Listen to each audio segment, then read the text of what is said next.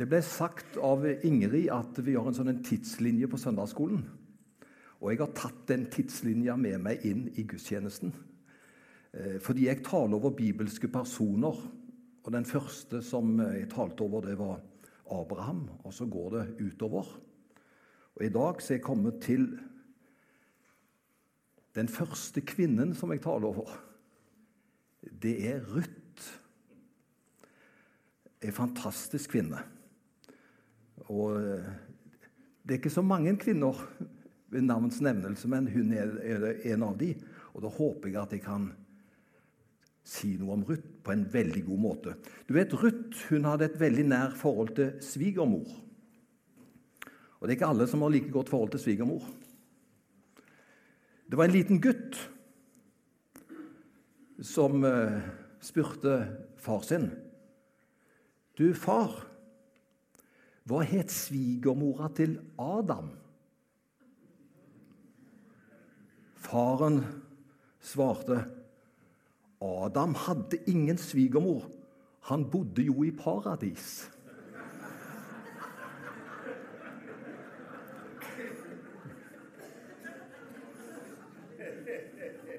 Man har ulik erfaring med svigermor. Men det var jo rett også. Han hadde ikke noe svigermor. Han bodde i paradis. Men eh, de fleste her har svigermor, og vi får tro at vi, vi har gode svigermødre. Men den svigermora og den svigerdattera jeg skal snakke om i dag, er fenomenal, altså. Siden det er mange her som kjenner Egil Svartdal, så eh, var jo far til Egil Hans Svartdal var jo en fantastisk predikant. Han kjenner jeg fra jeg var en liten gutt. Og Hans Svartdal hadde sin favorittpreken når han talte om Ruth. Så Det var hans favorittpreken. Og vet du hvorfor? Kona hans heter Ruth. Så mammaen til Egil nettopp kom hjem til Jesus bare for kort tid siden. Hun heter Ruth. Og han holdt en så glimrende tale, faren, altså Hans Svartdal, om sin kone Ruth. Han så paralleller med sin kone og Ruth i Bibelen.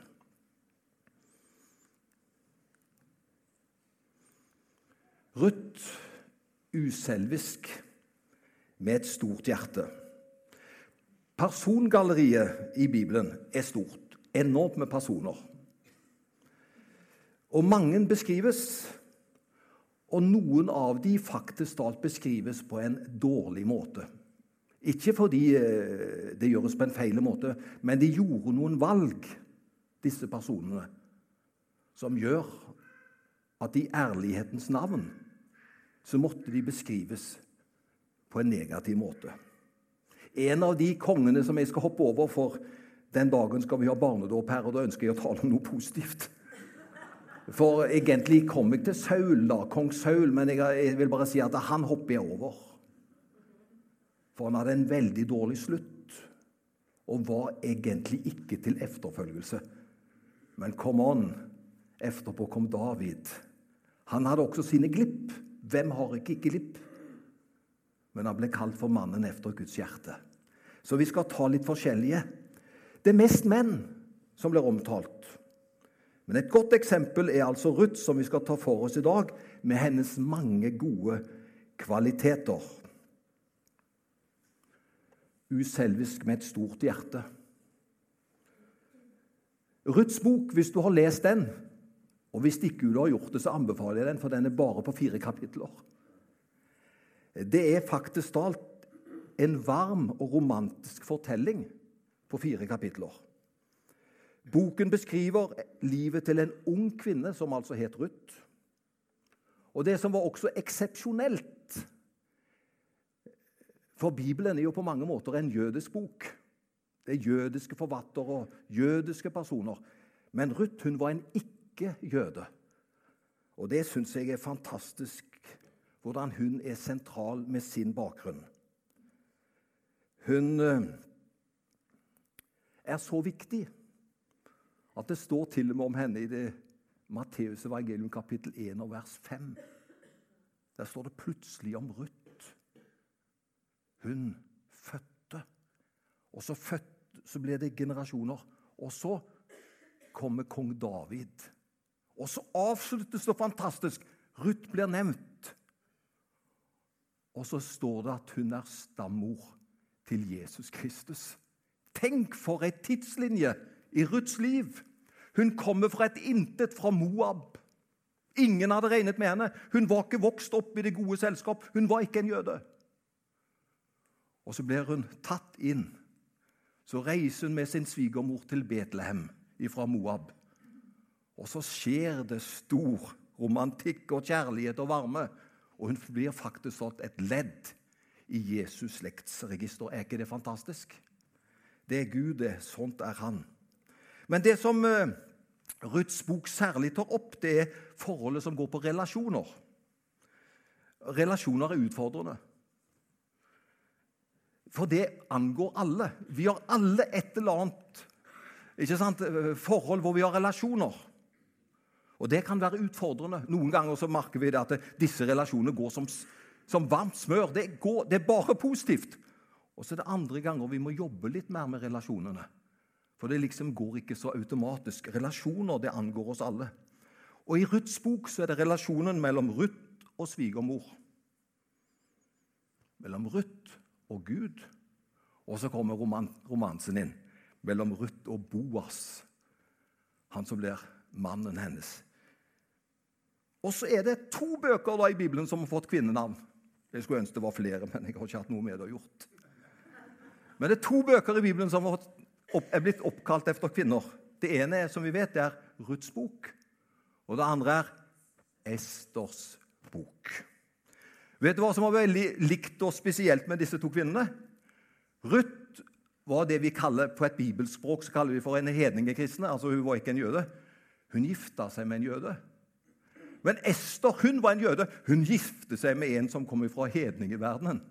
Så det var liksom sånn blandingsekteskap mellom begge disse to. Og det, det er fantastiske bøker og personer som du kan studere når du har anledning. No, Noomi får store utfordringer. Hun har, sammen med sin mann, forlatt Betlehem. Og så har de reist så langt som de kan, og så kommer de til Moab. Et land langt borte. Og når de kommer der, så blir det store, så store utfordringer for Noomi, denne kvinnen, at faktisk alt hennes mann, Eli Melek, han dør. Og Da kan du tenke deg hvordan det er.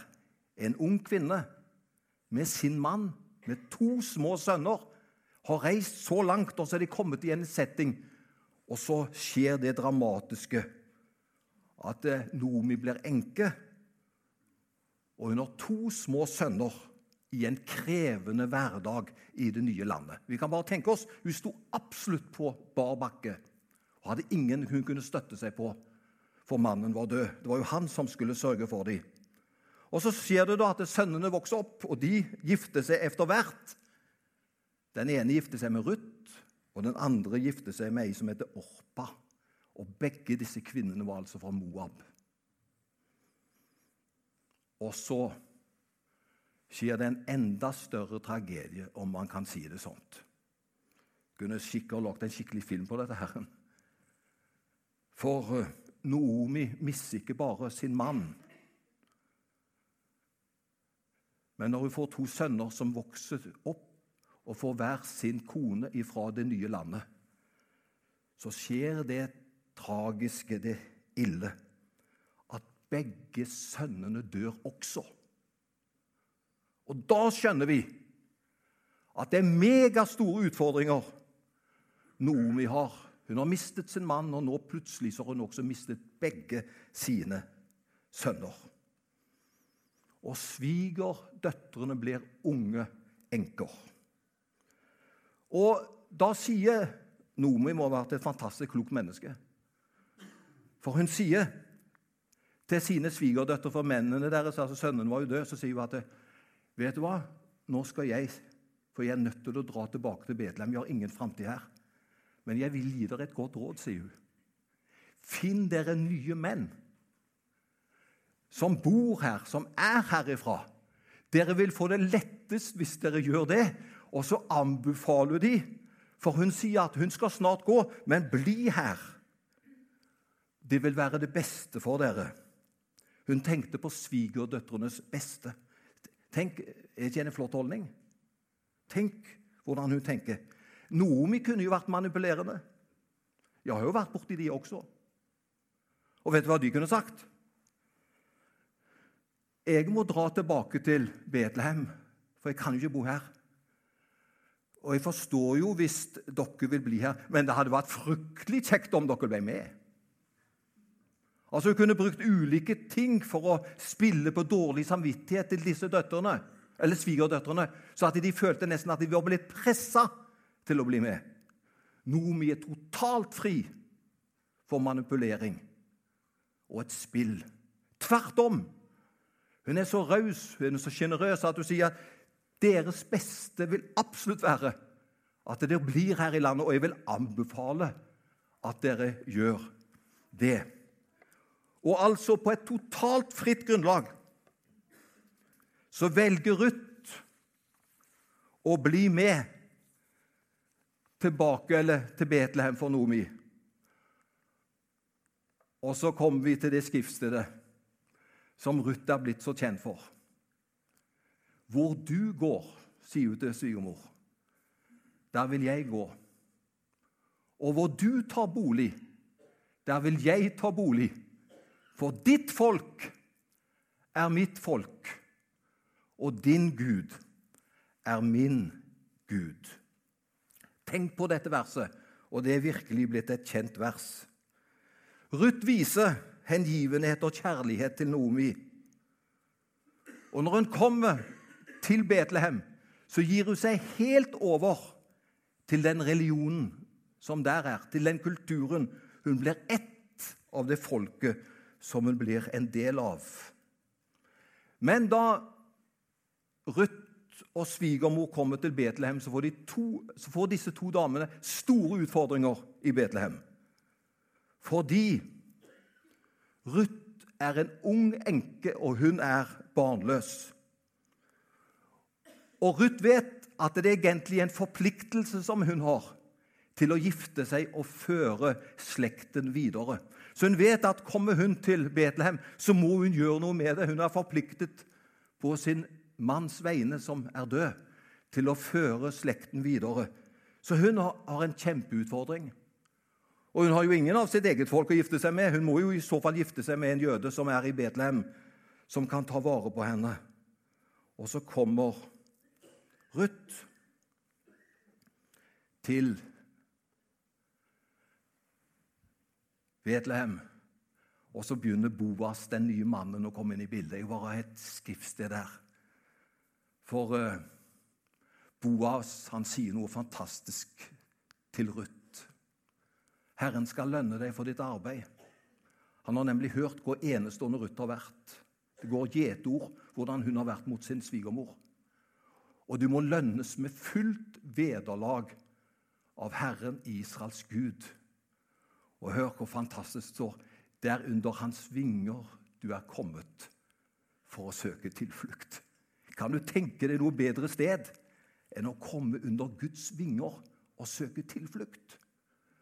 Så, så det som Ruth gjorde, det var ikke noe som impulsivt. Men Boa skjønner dette er et bevisst valg og må Herren, Israels Gud, lønne deg rikelig for din holdning og for det du har vært. Og under hans vinger er du kommet for å søke tilflukt. Og så skjer det noe spennende. Du må lese det sjøl, altså. Det er så bra. Eh, så sørger Boas Han får høre om denne unge enken som er så enestående. Han har en stor gård, så han sier til tjenerne sine Sørg for at det er alltid noen kornbånd igjen på utsida av åkeren. Ta ikke alt, la det være noe igjen. Og så sier han til Ruth at du kan med frimodighet sanke de korn som er igjen. Og jeg skal si det blir alltid noe igjen. Så Ruth hun sanker kornet etter at arbeidsfolk har tatt sitt, det som har med business å gjøre. Og så sanker hun korn, og så sørger hun for både seg selv og sin svigermor. Og så har jeg skrevet på lappen her Det er noe som heter både Guds velsignelse, og så er det noe som heter kvinnelist. Og de to tingene kan faktisk kombineres. Kan du tenke deg noe bedre enn kvinnelist og Guds velsignelse? For uh, svigermor sier til Ruth at Ruth, du har én sjanse. Fordi du kvalifiserer til en eiendom som vi måtte gå ifra når vi måtte rømme til Moab pga. å leve. Men den eiendommen den ble jo solgt på tvang. Og det var regler for det. Kunne de ikke opprettholde det, så ble det solgt på tvang.